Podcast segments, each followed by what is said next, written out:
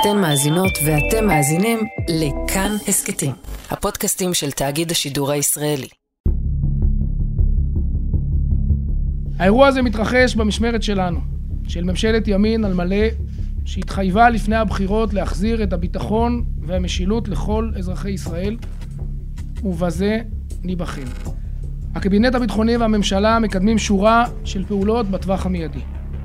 כדי להחזיר את ההרתעה, אנחנו חייבים לגרש את משפחת המחבל, בלי תעודות זהות ובלי זכויות סוציאליות, להרוס את ביתם, להחרים את רכושם ולהעביר אותו למשפחות נפגעי הפיגוע.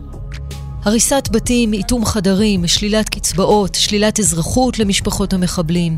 המושגים האלה, ההצעות האלו, נשמעו ונשמעות שוב ושוב, אחרי כל פיגוע רצחני כמעט, במהלך כל גל טרור.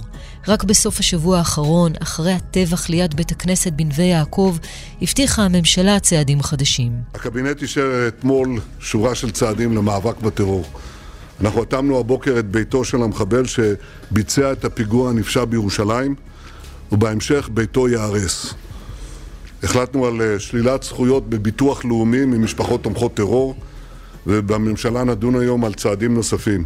ביניהם שלילת תעודות זהות ושלילת תושבות ממשפחות מחבלים תומכות טרור. אבל כמה הצעדים האלה באמת חדשים? ואם הם לא חדשים, למה לא עשו אותם עד היום? או שכן עשו?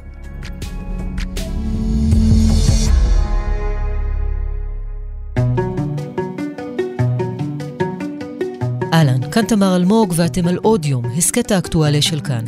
והפעם ניקח את הכותרות האלה, את מה שמוצג כל פעם כפתרון אפשרי, ונבחן מה המשמעות, מה המגבלות, האם זה באמת משיג את המטרה? נדבר עם שניים שיודעים. פרופסור עמיחי כהן מהקריאה האקדמית אונו והמכון הישראלי לדמוקרטיה, שחוקר את התפר בין סוגיות ביטחוניות ומשפטיות, ואלוף במילואים גיורא איילנד, לשעבר ראש אגף מבצעים וראש אגף התכנון בצה"ל, וראש המועצה לביטחון לאומי.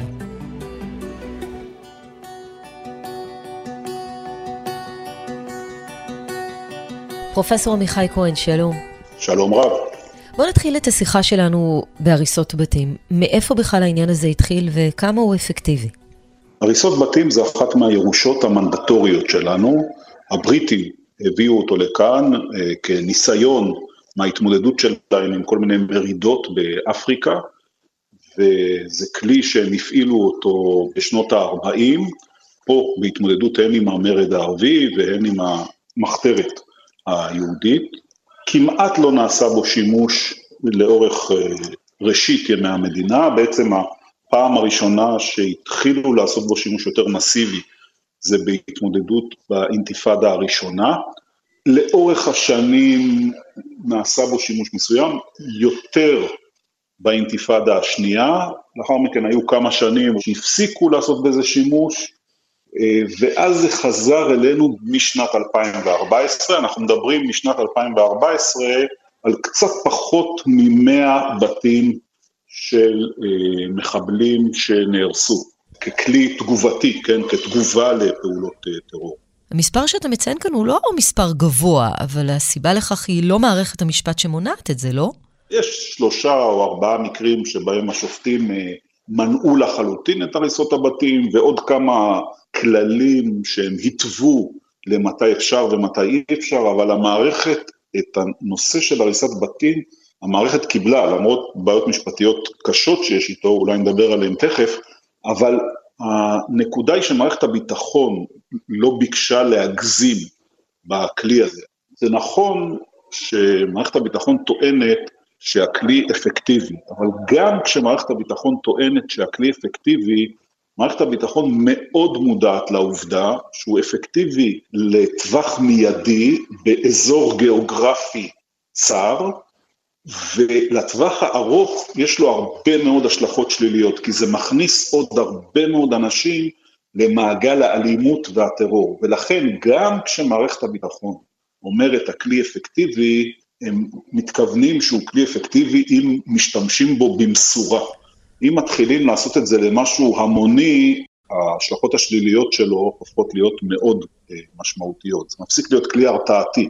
מה שקורה הוא שבג"ץ ברוב הפעמים לא מתערב בהחלטה של אה, גורמי הביטחון לבצע הריסה, אבל כמובן שדיונים משפטיים מטבעם מביאים לאיזשהו עיכוב בהליכים. כן, בג"ץ התעקש שיש זכות למשפחה לעתור כנגד ההריסה. צריך להבין שהריסת בתים מתבצעת בעצם לפני ההליך המשפטי. הרבה פעמים המחבל נגיד מתאבד או נהרג בפיגוע, אז בכלל אין הליך משפטי פלילי, וגם כשיש הליך משפטי פלילי, ההריסת בתים, בעצם התועלת המרכזית בה, ולכן מתעקשים שהיא תעשה מהר יחסית, זה אם היא נעשית באופן מיידי, ולכן היא לא נעשית לפי כללי המשפט הפלילי, אבל כן, בג"ץ התעקש שתהיה איזושהי ביקורת שיפוטית על אה, מעשה ההריסה, הן מפני שיכול להיות שיש כאן אה, טעות, ולפעמים באמת מסתבר שיש טעות בזיהוי הבית, או איפה בדיוק הוא גר, הן מפני שיש כן כל מיני מגבלות שהשופטים הטילו. למשל, יש מקרים שבהם המשפחה הצליחה להוכיח שהיא עשתה כל שביכולתה על מנת אה, למנוע את, ה, את פעולת הטרור, ובמקרים האלה היו תיקים שבהם בית המשפט אמר, טוב, אז תחשבו מחדש, כי כאן יש לנו משפחה שלא רק שהיא לא הייתה מעורבת, אלא היא עשתה ממש אקטיבית כל מה שהיא יכולה על מנת למנוע. אז יש גם אה, תועלת לדיון המשפטי.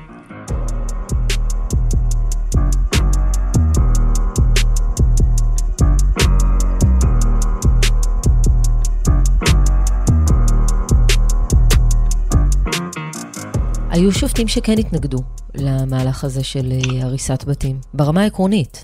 נכון, אז היסטורית, השופט אה, מישאל חשין אה, היה שופט שתמיד התנגד להריסות בתים, ולאחרונה השופט שהיה הכי מובהק בהתנגדות שלו זה השופט מזוז, שמאוד מאוד התנגד לכלי הזה, ומאז פגישתו הוא גם התראיין והסביר.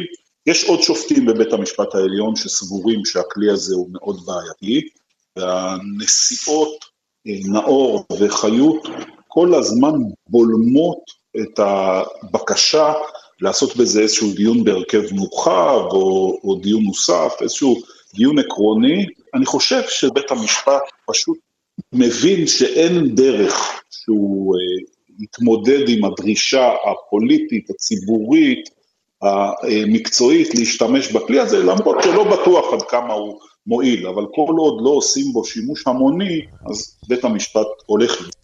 אז אמרנו שהריסות הבתים אה, וגם איתומם מגיע מתוך תקנה שהיא עוד מתוך תקנות אה, מנדטוריות מימי המנדט הבריטי.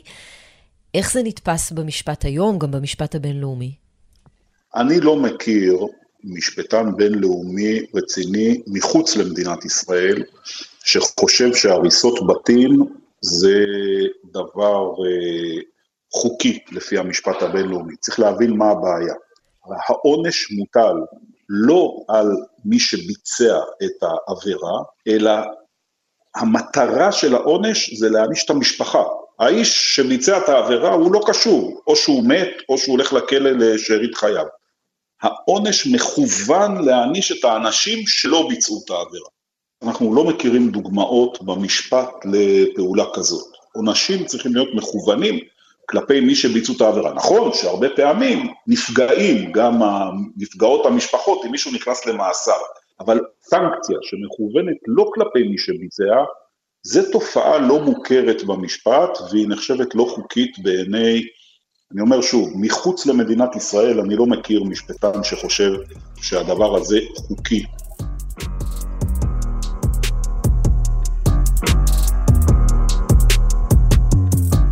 עשינו דיון לילי וקיבלנו כולנו החלטה לאטום את הבית במקום, שדבר שלא עשו בפיגועים הקודמים, וישדר מסר מאוד מאוד ברור.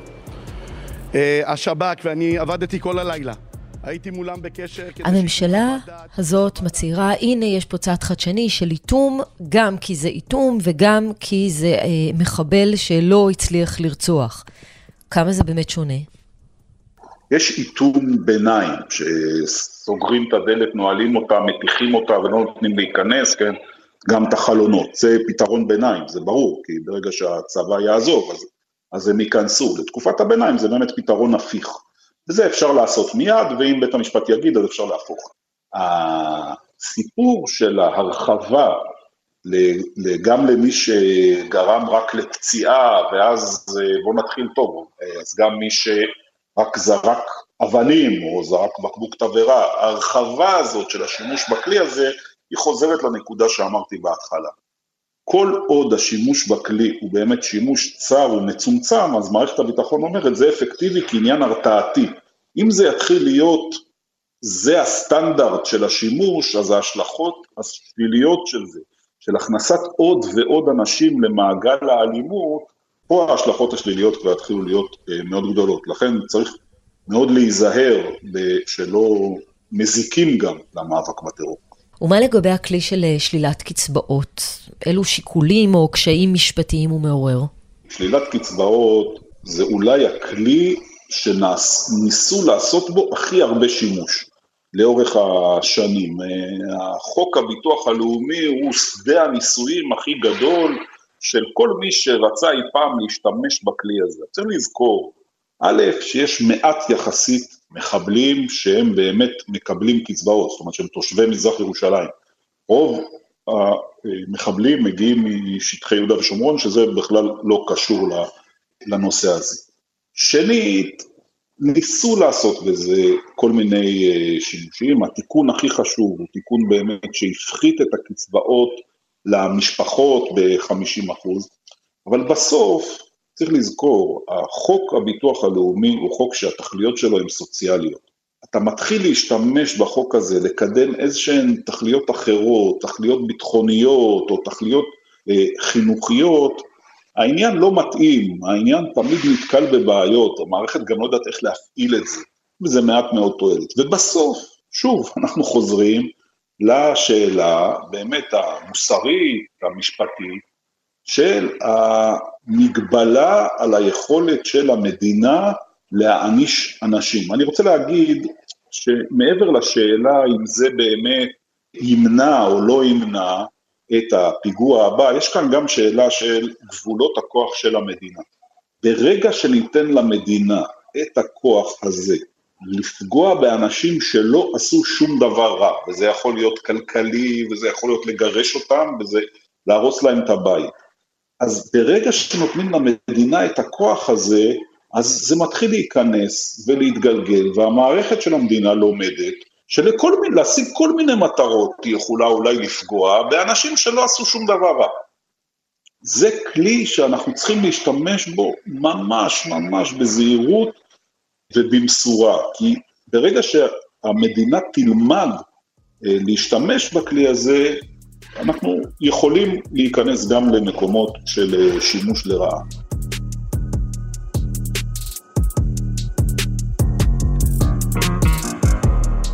כלי נוסף שעולה עכשיו אה, כהצעה הוא שלילת אזרחות, גם למחבלים, גם אולי לבני המשפחות, גירושם. טוב, אז ככל שמדובר במחבלים עצמם, אז הכלי של שלילת אזרחות כבר קיים בחוק. למי שיש אזרחות נוספת, בית המשפט העליון אישר לשלול לחלוטין את האזרחות שלו, למי שאין אזרחות נוספת, אז בית המשפט העליון אישר, כפי שהוא פירש בעצם את החוק, להעביר אותו ממעמד של אזרח למעמד של אה, תושב קבע. השאלה עכשיו לגבי המשפחה, אני חושב שאם המטרה כאן היא לפגוע באותם אנשים שהם לא עשו שום דבר, כן, הילדים הקטנים, כן, של אותו אדם, על מנת שהמחבל הבא, הוא יחשוב על המשפחה שלו ולא יצא אה, לפעולה, הזאת, זאת ענישה קולקטיבית, אתה מעניש את הבן אדם שלא עשה שום דבר. אני מתקשה להאמין שבית המשפט העליון אה, יקבל הרחבה כזו.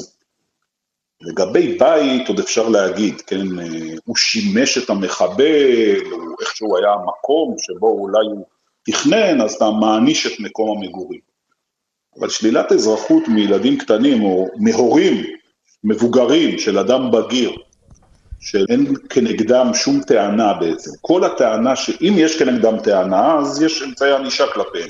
אם הם ידעו על הפשע או הסיתו לפשע ולא דיווחו. אבל אם אין שום דבר כלפיהם, טוב, אז אני מתקשה לחשוב שבית המשפט יאשר אה, סנקציה מהסוג הזה. ואגב, יכול להיות שאולי זו המטרה, שבית המשפט לא יאשר את הדברים האלה. כלומר, אתה אומר רוצים אה, לנגח את מערכת המשפט דרך הצעדים האלה? זה מה ש... זאת האמירה שלך? תראי, אני חושב שאנחנו לא יכולים להתעלם מההקשר הכולל של הדיון. יש כמובן מאבק בטרור, שהוא מאבק חשוב וצריך לנהל אותו, אבל במקביל מתנהל איזשהו, אני אקרא לו במרכאות כפולות, מאבק מול המערכת המשפטית. אני לא מדברת על פסיקות של בית משפט עליון שאני לא חיה איתם בשלום, בכל מה שקשור למסתננים, נוהל שכן, התערבות בעשייה של הצבא, בכל מה שקשור לאלמנטים של הרתעה, הרס בתי מחבלים וכולי וכולי, והיד עוד... אני לא יכול להתעלם מהעובדה שחלק מההצעות, העיתוי שלהם והמחשבה כלפיהם, הן נוגעות בדיוק במקומות שיודעים שבית המשפט העליון יתקשה לקבל אותם, או הייעוץ המשפטי, עוד לפני שזה יגיע לבית המשפט העליון, הייעוץ המשפטי יתקשה לקבל אותם. היועצת המשפטית לממשלה עד לרגע זה, עד לרגע זה, וכל שעתיים הייתי בקשר עם אנשיה, לא מאפשרת לנו לאטום את הבית. בעיניי זה לא יכול להיות, בעיניי זה לפגוע לא רק בי, לא רק בממשלה, אלא באזרחי מדינת ישראל. אבל אפשר לגייס אז את אה, דעת הקהל כנגד הייעוץ המשפטי וכנגד בית המשפט העליון, בטענה, הנה, הם מפריעים למאבק בטרור. אבל בסוף היום, פרופסור עמיחי כהן, אנחנו מדינה שמנסה להתגונן מול טרור ולפתור בעיות. וזה לא שיש המון אפשרויות, אז משתמשים בכלים האפשריים, מה שיכול לעבוד, צריך להשתמש בו. תראי, הכלים המוצעים עכשיו, הכלים של הריסות בתים, שלילת אזרחות, שלילת קצבאות, זה אותם כלים שכבר עשרות שנים אנחנו מסתובבים אה, בסביבה שלהם. אני לא אומר ששום דבר מזה לא עוזר, אבל אלה באמת הדברים שבשולי המאבק בטרור. המספרים של שלילת אזרחות הם באמת מספרים קטנים ביותר, זה משפיע ממש בשוליים. כל הנושא של שלילת קצבאות בביטוח לאומי, המס... בדקתי את זה, המספרים שבהם זה מופעל, לא בגלל שאנשי הביטוח הלאומי לא רוצים להפעיל, אלא כי בסוף מדובר משהו ממש בשוליים. גם צריך לחשוב על הצד השני. אם אתה מרחיב את uh, מספר האנשים ששוללים מהם את קצבאות הביטוח הלאומי, אז אתה מזמין את הרשות הפלסטינית להיכנס ולסייע להם, כי הנה, הם מסכנים, והרשות הפלסטינית אין לה ברירה אלא לתת להם אה, עוד סיוע. כל הדברים האלה יש להם גם השלכות, שוב, אם משתמשים בזה במנות קטנות, אז אולי ההשפעות הרחבות של זה הן אה, מצומצמות, אבל ככל שמרחיבים את השימוש והופכים את זה לכלי מרכזי ויחסית המוני, אז גם לדברים האלה יש השלכות ארוכות טווח.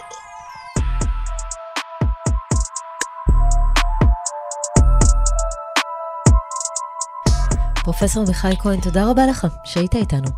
תודה רבה לך.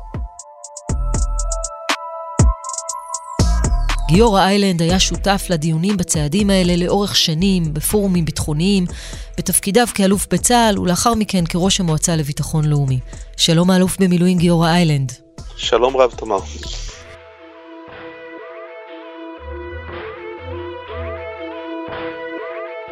הקבינט, הממשלה, מדברים על להעלות את הרף, להשתמש בכלים אה, חדשים למלחמה בטרור, במיוחד נגד משפחות מחבלים. כשאתה שומע את ההצעות האלה, הן חדשות, הן מוכרות לך מהעבר? אז ההצעות ברובם הן מחזור של הצעות ישנות. ואחד הדברים שהממשלות בישראל אה, נאלצות ללמוד עם הזמן, זה שיש שני פערים מובנים. בין uh, שני סוגי דברים. האחד זה פער בין uh, אמירות שנשמעות נורא חזקות, פופוליסטיות, מיידיות, משדרות עוצמה, לבין uh, מידת האפקטיביות שלהם. אז הריסת בתים או אטימת בתים, האפקטיביות היא נמוכה, וגירוש מחבלים או משפחותיהם זה לא רק שאפקטיביות נמוכה, לפעמים זה גורם לתוצאה הפוכה. אז יש פה פער בין מה שנראה מאוד אה, לוחמני לבין מידת האפקטיביות.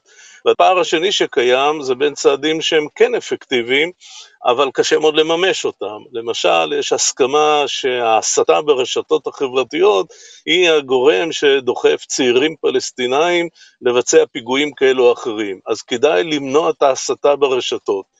אז אני מסכים עם זה, אבל עכשיו איך בדיוק עושים את זה? הרי זה לא בדיוק עניין של החלטת ממשלה ומחר היא קורית, זה סוג של עימות מסובך מאוד מכל הבחינות הטכניות ואחרות. ולכן יש פה פערים מובנים וצריך לדעת אה, גם קצת לקחת אוויר ולא לצפות ולא להבטיח שום תשובות מיידיות. ומפה כדאי להגיד אה, מה כן נכון לעשות, ויש פה שתי רמות של מה נכון לעשות. הרמה הראשונה היא באמת יותר הרמה הטקטית, ואני חייב להגיד שדווקא ביחס ליהודה ושומרון, אה, מאז שהתחילו הפיגועים, כולל בתוך ערי ישראל, אה, בגל האחרון לפני בערך עשרה חודשים, אז uh, הפעילות של צה"ל, של השב"כ של אחרים, היא מאוד מאוד אפקטיבית. היינו בתחילתו של גל מאוד קשה לפני עשרה חודשים, ובאמת פעילות שעולה בהרבה מאוד מאמץ והרבה כוחות, אבל גם הרבה מאוד יכולות מבצעיות ומודיעיניות. הצלחנו בעצם גם בשכם, גם בג'נין וגם הרבה מאוד ניסיונות אחרים להגיע לרגיעה יחסית וליצירה של מציאות שמה שנקרא שאפשר לחיות איתה, למרות שהיא כמובן לא לגמרי שקטה. והדבר שהוא כמובן מסובך יותר בצד הטקטי הזה, זה ירושלים. וצריך לזכור שבירושלים ישנם 370 אלף אנשים, שיש להם אגב מעמד מיוחד בעולם, ספק אם זה היה עובר היום, שמצד אחד הם תושבי קבע במדינת ישראל, עם כל הזכויות של מכוניות ישראליות ותעודות זהות ישראליות וחופש תנועה מלא, מצד שני הם לא אזרחים של ישראל, הם גם לא אזרחים של שום מדינה אחרת, וקשה מאוד לייצר איתם, הייתי אומר, אפילו את הסוג של הדיאלוג הסביר שיש עם ערביי ישראל, כי הם בראייתם יותר אויבים שלנו מאשר שותפים שלנו, ובתוך הערבוב המאוד קשה שבירושלים, קשה מאוד באמת לאתר את המחבל הבודד, ונדרשת פה יותר סבלנות, ולא מין פעולות של בואו נכתר שכונות שלמות, ובואו נקטיל עליהם עוצר, הדברים האלה הם ממש לא אפקטיביים. אז זה ברמה, נגיד, היותר טקטית. אני אומר אה, לא רק מה נכון אולי לעשות, גם מה לא לעשות. אני חושב שהשכלנו במשך השנים, למשל, אה, מה שנקרא אינתיפאדת הסכינים ב-2015, אה, עם כל הקושי שבעניין, לנסות לפעול כנגד אלה שמבצעים את הפיגועים, אבל לא לעצור במכה אחת את כל שיתוף הפעולה עם הפלסטינאים, לא לעצור כניסת פועלים פלסטינאים לישראל, לא לעצור דברים אחרים שבסופו של דבר דווקא הם מסוגלים להשאיר את הרוב הדומם הפלסטינאי מחוץ למעגל האלימות, וצריך לדעת לעשות את זה אה, בשום שכל. כל מחבל שיוצא על מנת לפגוע באזרחים או בחיילים, אנחנו נביא אותו או לבית המשפט או לבית הקברות. אנחנו רוצים להרגיע את השטח, ואנחנו רוצים שקט. והמשמעות היא שכל מי שמתנהג כשורה יוכל לעבוד, יוכל להתפרנס בישראל, יוכל לפרנס... הרמה השנייה היא הרמה האסטרטגית, ופה צריך להבין ככה. ישראל בעצם מתנהלת מול הרשות הפלסטינאית מזה עשרים שנה תחת שלוש הנחות. שלוש ההנחות האלה היו בסיס למדיניות הישראלית, כולל כמובן בתקופות ממשלות נתניהו הקודמות. האחד, זה שקיומה של רשות פלסטינאית חזקה ומתפקדת הוא אינטרס ישראלי. ההנחה השנייה הייתה שאי אפשר אמנם להגיע לפתרון פוליטי מלא עם הפלסטינאים בזמן הנראה לעין, ולכן בואו ננהל את הסכסוך ולא ננסות לייצר איזושהי מציאות אה, קיצונית, לא ימינה ולא שמאלה. וההנחה השלישית, שהיא תוצאה של השתיים הקודמות, אומרת, הסטטוס קוו, כפי שבעצם בנויה מערכת היחסים הישראלים-פלסטינאית, נכון שתישמר. עכשיו, סטטוס קוו זה אומר על הכל, זה אומר שאתה לא משנה דברים בהר הבית, שאתה לא משנה באופן קיצוני את התנאים של האסירים הפלסטינאים, שאתה לא מחרים באופן קיצוני, נגיד, סכומי כסף ששייכים לרשות הפלסטינאית, שאתה לא עוצר פרויקטים שהרשות הפלסטינאית עושה, שאתה לא מפסיק שיתוף פעולה ביטחוני. יש לעניין הזה הרבה מאוד משמעויות. עכשיו, זה בסדר גמור שממשלה תתכנס ותשאל את עצמה, האם שלוש ההנחות האלה, שהיו בסוס לפעילות מאז חומת מגן, מאז למעלה מ-20 שנה, אה, ונראות די כריאליות נכון להיום, אולי הן לא ריאליות היום, אולי הן כבר מזמן לא ריאליות, ורק הממשלות הקודמות המשיכו איתן בלי שנתנו את הדעת, וצריכים פה חשיבה אסטרטגית אחרת, שבעצם משנה את כל מערכת היחסים ביהודה ושומרון. אני לא פוסל חשיבה כזאתי, אבל כדאי שהחלטות תהיינה תוצאה של חשיבה אסטרטגית מסודרת. מה שנקרא top down, ולא אוסף של אמירות, שלא לדבר מעשים, שהם בלתי מתואמים ושהם נשלפים כלאחר יד.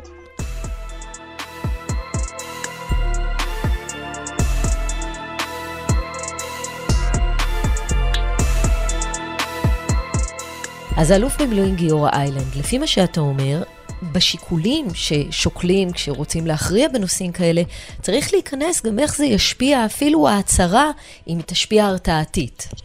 ברור לחלוטין שקבינט שמתכנס אה, 24 שעות אחרי פיגוע קשה, ואני אומר את זה לאורך כל הממשלות, ברור שהוא לא יכול לפתור שום בעיה בעצם ההתכנסות שלו. אבל uh, הוא חייב uh, להגיד משהו לציבור, ולכן הוא יוצא בהצהרות שאין להם הרבה משמעות אופרטיבית, ולפעמים הם יכולים גם להזיק. אז uh, מזה צריך להיזהר. השאלה העיקרית היא, האם הממשלה או הקבינט בישראל יודע גם להיות פורום מספיק, uh, הייתי אומר, מקצועי ושקול ואסטרטגי, בכדי לשאול שאלות קשות, ולתת את התשובה הטובה ביותר, אה, מה נכון לעשות. אני אתן לך דוגמה אחרת, עזה. במשך בערך 16 שנה, אה, מ-2006 ועד 2022, ממשלות ישראל לדורותיהם, של אולמרט, של נתניהו, וגם בתחילת הדרך, ממשלת בנט-לפיד, התייחסו אל עזה בצורה הבאה, אמרו, עזה זה מקום קטן, השתלט עליו ארגון טרור נורא ואיום שנקרא חמאס, אנחנו לא נדבר עם החמאס, אנחנו מוכנים לחמאס מקסימום להציע להם נוסחה של שקט תמורת שקט. אל תראו עלינו, לא נראה אליכם. ובערך לפני שנה, חצי שנה אחרי שהממשלה הקודמת קמה, הגיעה הממשלה הקודמת למסקנה, הרבה בהשפעת גורמי הביטחון, אני חייב להגיד, שזו מדיניות לא נכונה, כי היא מייצרת מצב שלצד השני אין שום סיבה לא לירות עליך בכל פעם שאתה מרגיז אותם, כי אין להם מחיר הפסד. ובעצם זיהינו בישראל שהאינטרס העליון של ממשלת עזה, כך אולי נכון לקרוא לישות הזאתי, האינטרס העליון והמיידי שלהם הוא כלכלי, הוא לא פוליטי, הוא לא דתי, הוא לא צבאי, הוא כולו כלכלי. ואם הוא כלכלי, אז אם אנחנו נאפשר להם להכניס פועלים לישראל, 15 אלף נדמה לי היום, וגם נשתף איתם פעולה בבנייה של תשתיות אזרחיות של מים, ביוב וכולי, אז גם כשיהיה להם אולי סיבה לראות עלינו, הם לא ימהרו לעשות את זה, משום שהם ישלמו על זה מחיר כלכלי מיידי, והשינוי מדיניות הזאת, בסופו של דבר מול עזה מוכיח את עצמו. עכשיו, אפשר גם אותו לשים על השולחן ולהגיד, רגע, זה לא נכון, כי מעזה מסיתים וכולי, אני לא נגד אף דיון, אבל אני בעד דיונים שיתחילו במקום הנכון, ולא ייתנו תשובות שנשלפות רק על מנת לרצות איזשהו, אה, הייתי אומר, אה, רצון אה, טבעי אולי של דעת הקהל לקבל תשובות מיידיות לשאלות שאין להן תשובות מיידיות. אבל אף פעם אין מקום וזמן נכונים. אנחנו כמעט תמיד נמצאים פה בגלים של טרור, אז צריך לקבל לפעמים גם החלטות מהירות, לא?